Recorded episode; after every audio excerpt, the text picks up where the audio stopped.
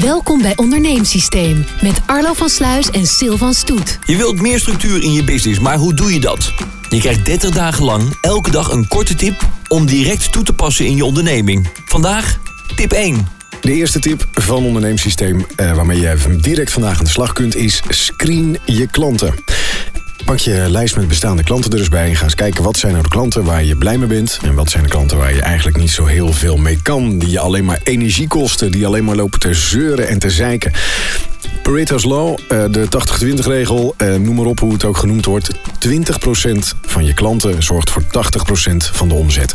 De kunst is om te focussen op die 20% en natuurlijk niet alleen die 20% te gaan bedienen, maar om te kijken of je meer van die top 20 klanten kunt vinden.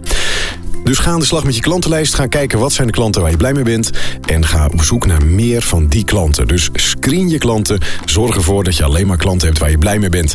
Voorbeeld van een eh, autobedrijf waar ik pas wat coaching voor heb gedaan. Die eh, kwamen erachter dat hun eh, beste klanten 50-plussers zijn. En zijn dus hun marketing en hun communicatie gaan afstemmen op de groep klanten boven de 50. En ze hebben dus meer klanten gekregen in die leeftijdscategorie. En dat zijn mensen die meer besteden aan onderhoud. Ze zijn ook gaan zoeken naar de problemen die die klanten hebben. En op die manier bedienen ze dus hun meest interessante klanten op de beste manier.